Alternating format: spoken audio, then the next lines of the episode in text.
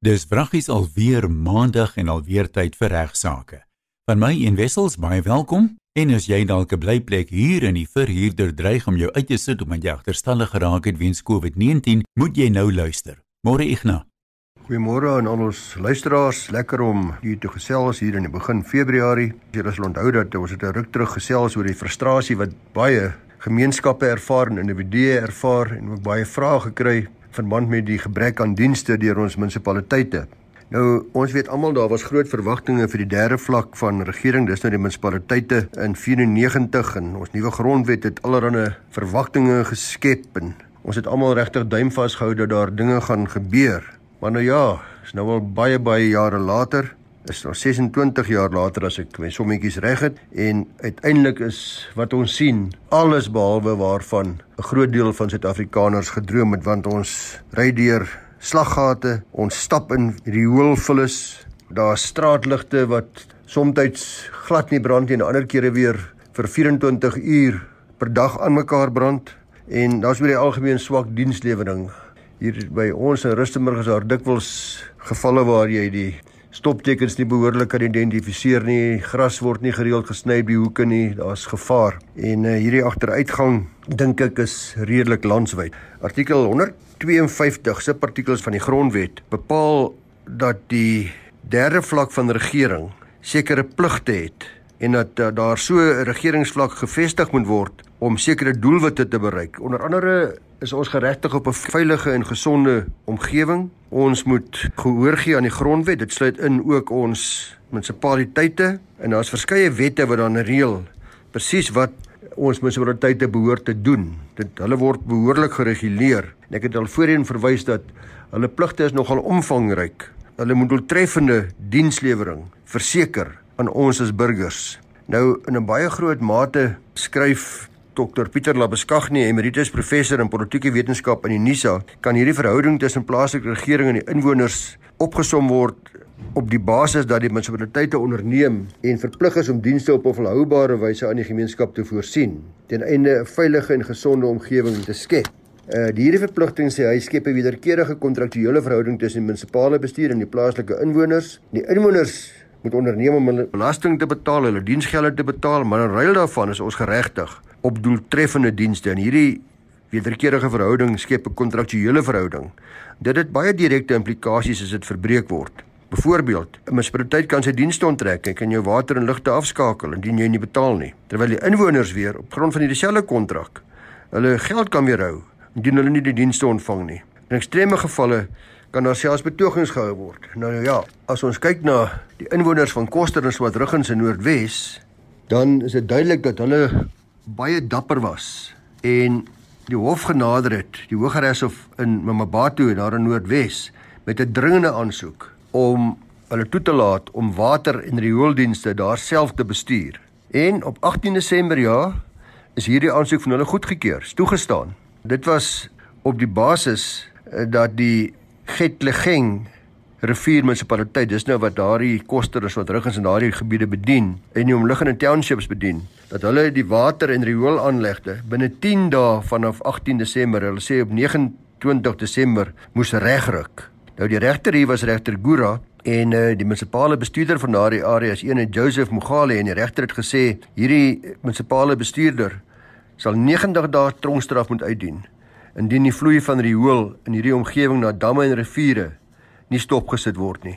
Uh dieselfde geld indien gebrekkige waterverskaffing in hierdie twee dorpe name Koster en Swartruggens in die townships nie verbeter nie en die hof het duidelik gesê dit uitdruklik gemeld dat hierdie munisipaliteit kom nie sy plig na uh, soos wat die grondwet vereis om te sien dat dienste reg bestuur word en dat wateraanlegte nie verval nie. Ek dink baie luisteraars sit nou met gespitste ore omdat hulle dink dis ook op hulle van toepassing in hulle munisipale gebied. En die hof het gesê dat indien hierdie Getlegeng rivier munisipaliteit na 10 weke steeds nie hierdie probleme opgelos het nie, dan en dit is nou baie belangrik, kan die inwoners self daai dienste oorneem.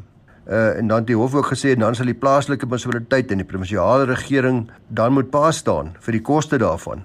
Nou met ander woorde, dit is presies wat die koster leiers gevra het, die gemeenskap van Koster, te so deur regter Gura toegestaan. Hy het verder gegaan en gesê dat uh hierdie tussentydse bevel wat hy gemaak het, dat dit binne 10 dae moet herstel word ensovoorts, kan permanent gemaak word. Indien nou die munisipaliteit en die ander respondente nie geldige redes verskaf waarom dit nie permanent vir altyd moet geld nie. Nou hierdie saak is gedryf deur 'n baie dapper prokureur daar van Koster, Andreas Peens, is plaaslik daar en advokaat Dani Wynbeek het namens die inwoners opgetree. Baie geluk ook aan hulle vir 'n besondere mylpaal wat hulle bereik het, nie net vir Koster en omgewing nie en vir hulle gemeenskap nie, maar ek dink vir talle ander munisipaliteite wat hierdie selfde pad in die toekoms sal kan volg. Nou, ek moet dadelik sê dat uh, die voorsitter van die Ket Leng Rivier Belastingbetalers Vereniging, dis ene Karel van Heerden het duidelik gesê dat hy dink hier daar's 'n kans, enige kans dat hierdie munisipaliteit hierdie bevel van die regter sal kan nakom binne 10 dae nie. Hy sê hulle het reeds 'n span kundiges onder wie ingenieurs beskikbaar om al hierdie dienste en goed op die waterdienste, die hulpdienste weer op pyl te kry en weer te herstel en hulle sal maar kyk wat gebeur voor 29 Desember wat ook baie snaaks my was dat nogal vreemd was vir my in elk geval 'n ding vir baie ander regsgeleerdes dat die arme munisipaliteit is op hulle eie gelaat die arme meneer Mogale die munisipale bestuurder want die mense wat hom moes ondersteun die LER vir omgewingsake in Noordwes is ene Mosenogi die minister van omgewingsake Baba Krisi en die minister van water en sanitasie Lindiwe Sesule het in die hofstukke gesê hulle berus maar by die hof hulle hulle berus by die hof se beslissing met ander woorde hulle het nie geoponeer nie.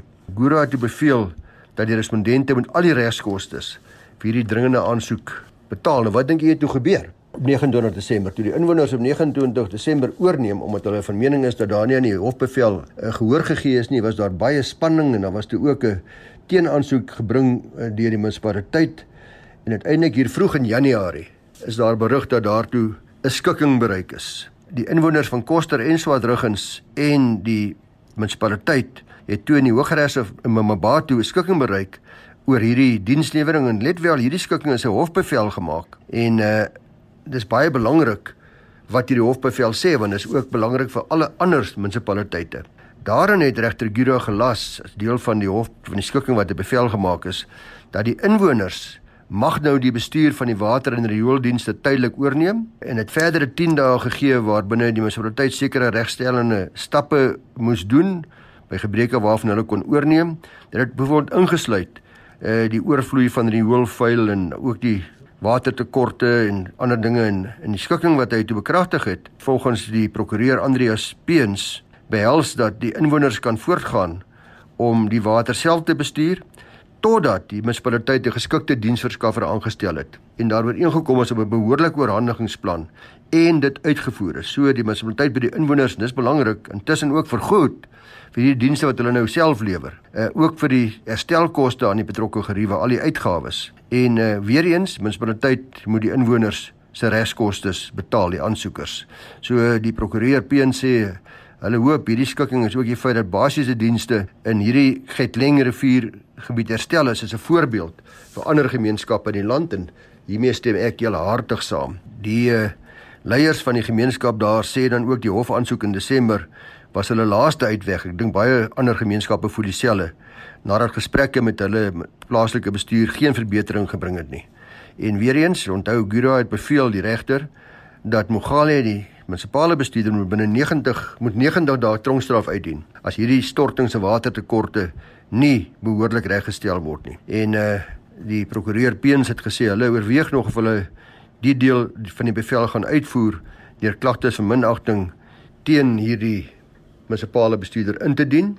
Maar kom ons hou hierdie spasie dop en kyk wat gebeur en of daar uiteindelik positiewe gevolge gaan wees vir die inwoners van Koster en Swartruggens en ander townships in die gebied. Ek hoop die antwoord gaan ja wees.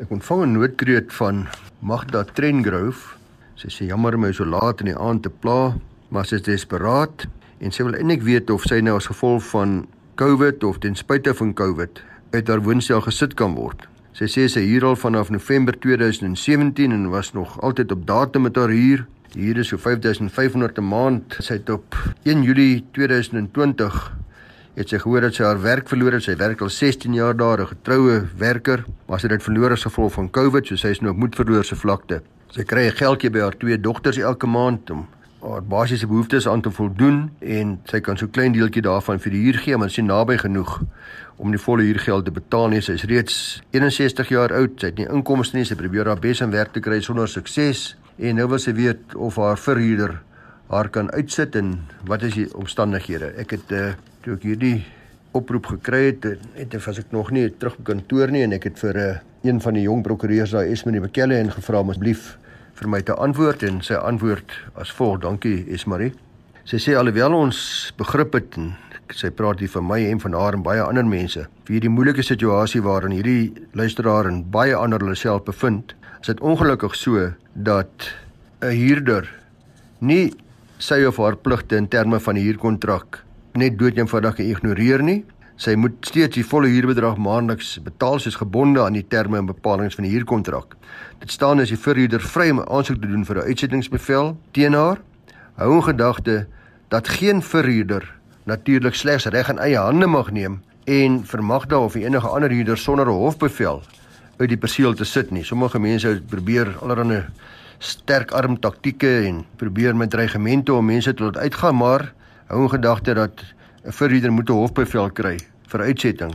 Ander ding wat 'n verhuurder nie mag doen nie, hulle mag ook nie mag daar se krag of water toevoer afsny in 'n poging om druk uit te oefen nie en om sodoende die huurder uit te sit nie. Nee, hulle benodig 'n hofbevel vir die uitsettings en hierdie uitsettingsproses moet hierdie balie behoorlik beteken ook word. En sou die verhuurder nou 'n aansoek om uitsetting wel loods, dan sal die balie dit op die huurder beteken en natuurlik sal u dan 'n geleentheid hê om hierdie aansoek te opneer.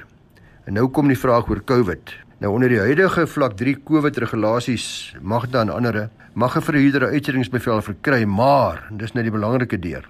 Hulle mag nie net doodeenvoudig voortgaan om uit die perseel te sit nie. Hierdie regulasie bepaal uitdruklik dat 'n hof die uitvoering van enige uitsettingsbevel kan opskort totdat die regulasie verander tensy die hof van mening is dat dit billik en regverdig is om die persoon vroeër uit die perseel te sit in aggenome 'n klomp faktore. Dit beteken eintlik en as wil hier kan ek vir u ook sê, dit beteken in effek vir baljies dat hulle moet seker maak dat 'n hofbevel vir uitsetting baie uitdruklik meld dat nie teenstaande COVID-3 regulasies die hof van mening is dat 'n uitsettingsbevel geregverdig is. Nou ek kan vir julle sê dit word slegs in hoogs uitsonderlike omstandighede gedoen en my ondervinding is dat gedurende die COVID tydperk daar feitelik geen uitsettings is uit residensiële eiendomme nie. Let wel hierdie wat ek alles wat ek nou sê geld nie vir kommersiële eiendomme nie. Dis net van toepassing op wooneiendomme. En hierdie faktore wat die hof in aanmerking moet neem om te bepaal of hulle wel die uitsondering wil maak en 'n uitsettingsbevel magtig is onder andere die behoefte aan behuising vir daai besondere persoon. Ten einde hulle gesondheid is ook die gesondheid van ander te beskerm en om enige onnodige beweging tydens Covid van mense te vermy. Dan verder ook enige beperkings wat in plek is met betrekking tot die beweging van persone gevolge die Covid regulasies die impak van Covid-19 en die inperking op die huurder en die verhuurder. Die nadeel wat die verhuurder moontlik kan ly indien die uitvoering van die uitsetting se bevel opgeskort word of sodanige nadeel swaarder weeg as die nadeel van die huurder en ook of enige van die partye se vermoë om prokureurs te bekom geaffekteer is deur die nasionale inperking en of daar behoorlike maatreëls in plek is om mense wat moet trek se gesondheid te beskerm. En dan ook 'n verdere punt is of enige huurders of daar aan huurder skade veroorsaak word of ook aan ander mense of daar bedreiging is vir ander se lewens of goedere dan ook op die verhuurder wat aansoek doen vir die bevel hierdie stappe in goeie trou neem, bona fide geneem het om alternatiewe reëlings met die huurder te tref soos byvoorbeeld 'n afbetalingsleening ten einde die uitsetting te vermy. 'n Bietjie asemhalingstyd met ander woorde, 'n gepaste omstandighede en ek dink in hierdie geval waar ons luisteraar haar werk verloor het as gevolg van COVID-19 is dit beslis een van die faktore wat die hof in aanmerking sal neem om te sê, "Wag 'n bietjie huurder, jy kan nie net doodnoodig uitsit nie. Om jy te begin moet jy eers 'n bevel kry en jy moet eers die hof oortuig daarvan dat jy behoorlike stappe geneem het om alternatiewe reëlings in plek te kry en een daarvan sal wees om te sê, "Goed, uh, Magda, gee jou soveel maande tyd en kyk maar eers of jy nie uh, weer 'n werk kry nie en dan kan ons die agterstalliges op 'n sekere wyse afbetaal." So om op te som, die uitsetting uit woonpersele gedurende COVID-19 is nie onmoontlik nie, maar daar is 'n hele aantal hekkies wat 'n verhuurder moet oorkom. 'n Luisteraar het geskryf om te vra hoe kan 'n mens ontslaa raak van die begunstigde van 'n trust? Kom ons hoor wat sê Ignas. Ek ontvang 'n kort en kragtige e-pos van Mara. Sy sê: "Goeiedag Ignas, hoe gaan mense te werk om van beneficiaries van 'n trust ontslae te raak?" Groete Mara. die beneficiaries, die begunstigdes van 'n trust ontslae te raak. Ek het die trust spesialis en kundige Volker Kreer gevra om vir ons 'n antwoord voor te berei en baie dankie ook aan hom vir die antwoord en hy sê eerstens dis 'n baie goeie vraag want die uitsluit van sekere begunstigdes is nogal 'n onderwerp wat gereeld ter sprake kom. Ek kan dit bevestig. En enige luisteraar wat 'n oprigter van 'n trust of 'n begunstigde van 'n trust is, kan regtig vandag gerus luister. En natuurlik geld dit ook vir enigiemand van u wat van plan is om 'n trust op te rig en dalk wil weet of jy op 'n stadium van begunstigdes ontslae raak indien die houding teenoor hulle verander. Nou, daar's twee strategieë wat gevolg kan word om 'n begunstigde uit te sluit van enige bevoordeling uit 'n trust. Eerstens kan die trustees in die geval van 'n diskresionêre trust eenvoudig besluit om nie die betrokke begunstigde te bevoordeel nie.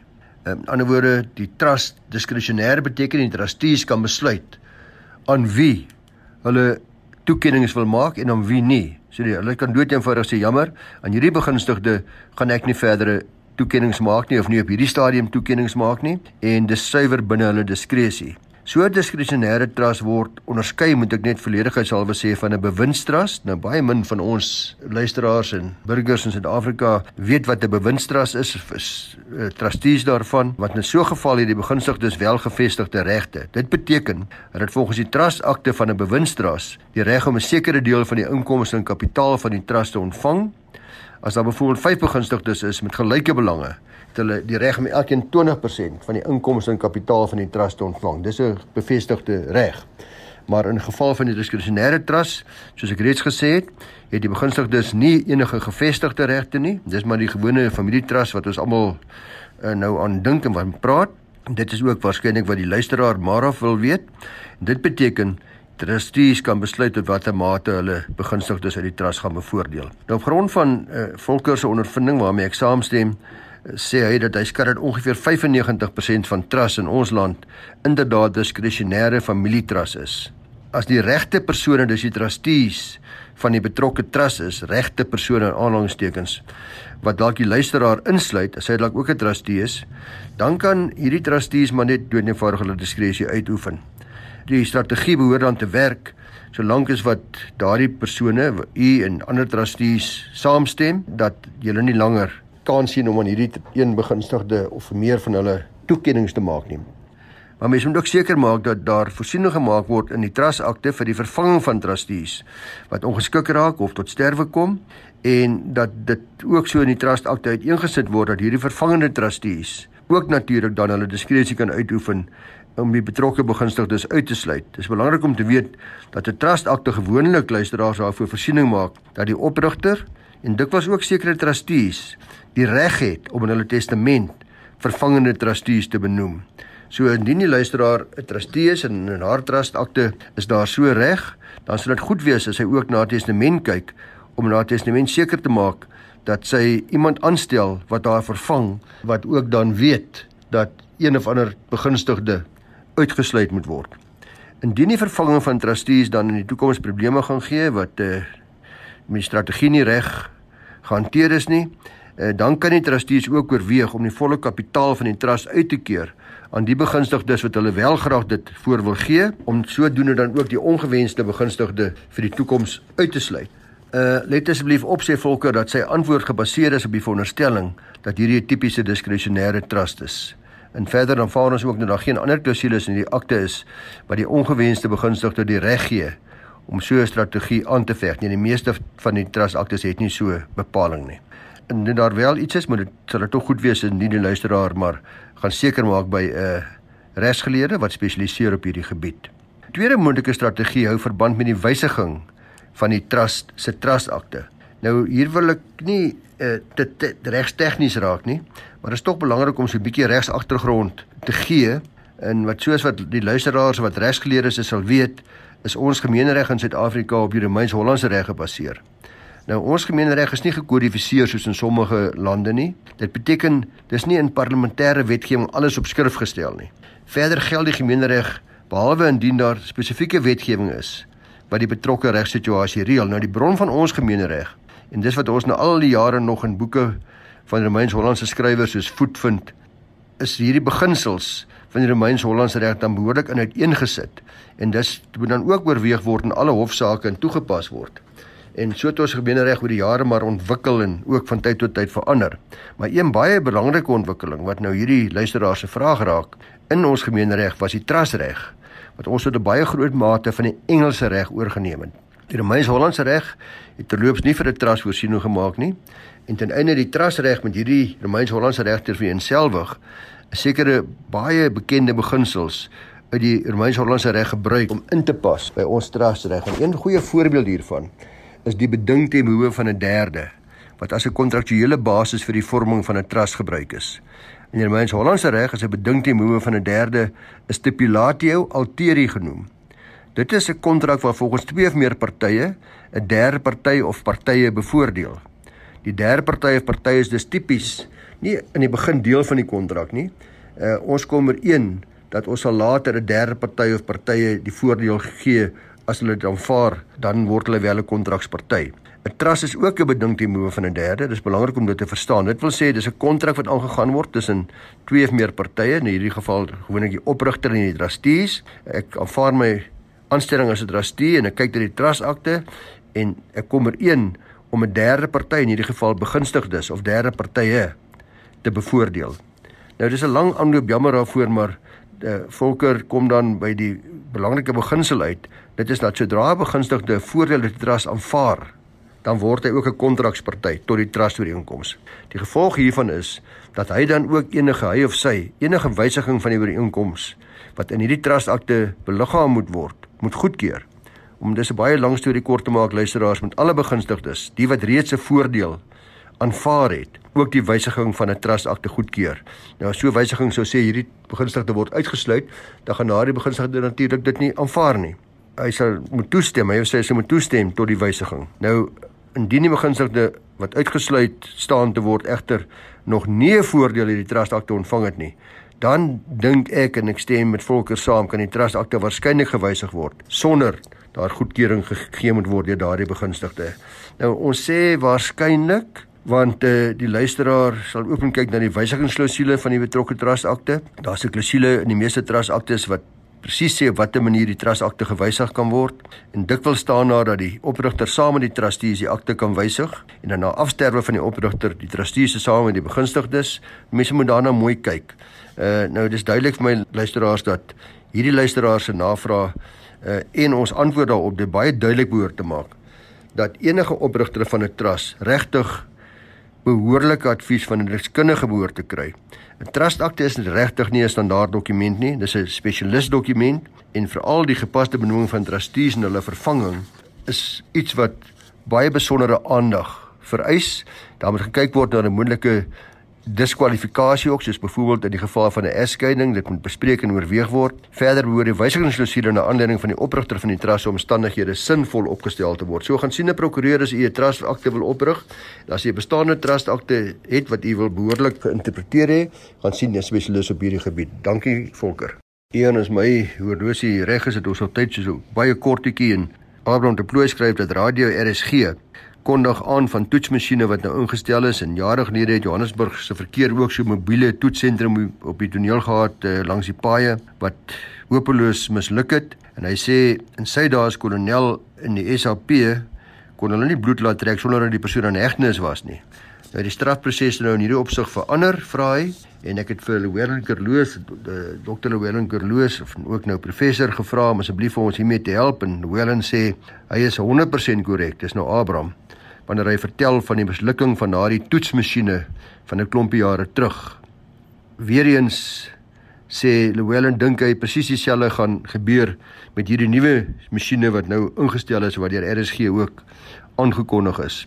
Ek lees wat Llewellyn sê, hy sê ek en van my kollegas het onlangs 'n artikel ook geskryf vir die South African Law Journal wat vroeg in 2021 gepubliseer sal word en die appelkar gaan omgooi ten aansien van dronkbestuur sake is met gerus dophou die van u wat dit lees. Dit gaan nog gepubliseer word maar die posisie is in die strafproseswet 51 van 1977 nog presies dieselfde ten aansien van bloedtrek eers na arrestasie anders is dit aanranding en daar sê hy kyk na artikel 37 van die strafproseswet kan nie bloedtrek voor jy nie eers 'n persoon gearresteer het nie. Let daarop dat daar deesdae baie gewag gemaak word van blaasapparate wat natuurlik meestal met toestemming gepaard gaan, juis om arrestasie te voorkom teen einde dan die bloed met geweld of geforseerd te trek. Ek hoop dit beantwoord u vraag Abraham en dankie aan Llewellyn. Dit was dan vandag se regsaake, soos altyd moontlik gemaak deur die Prokureursorde van Suid-Afrika. Jy kan jou vrae direk vir Ignas stuur. Sy adres is igna@ffd.co.za. Onthou net dat ek nou nie persoonlik per e-pos of telefonies met jou in kontak kan kom nie. Ons gebruik sê die vrae wat luisteraars instuur om die breë publiek te bemagtig oor 'n wye spektrum van regskwessies. En as jy dalk nou so op die sterkant van vandag se program eers begin luister het, elke program van regsaake is ook beskikbaar as potgooi op rsg.co.za. Sluit asseblief volgende maandag 11:30 weer by ons aan.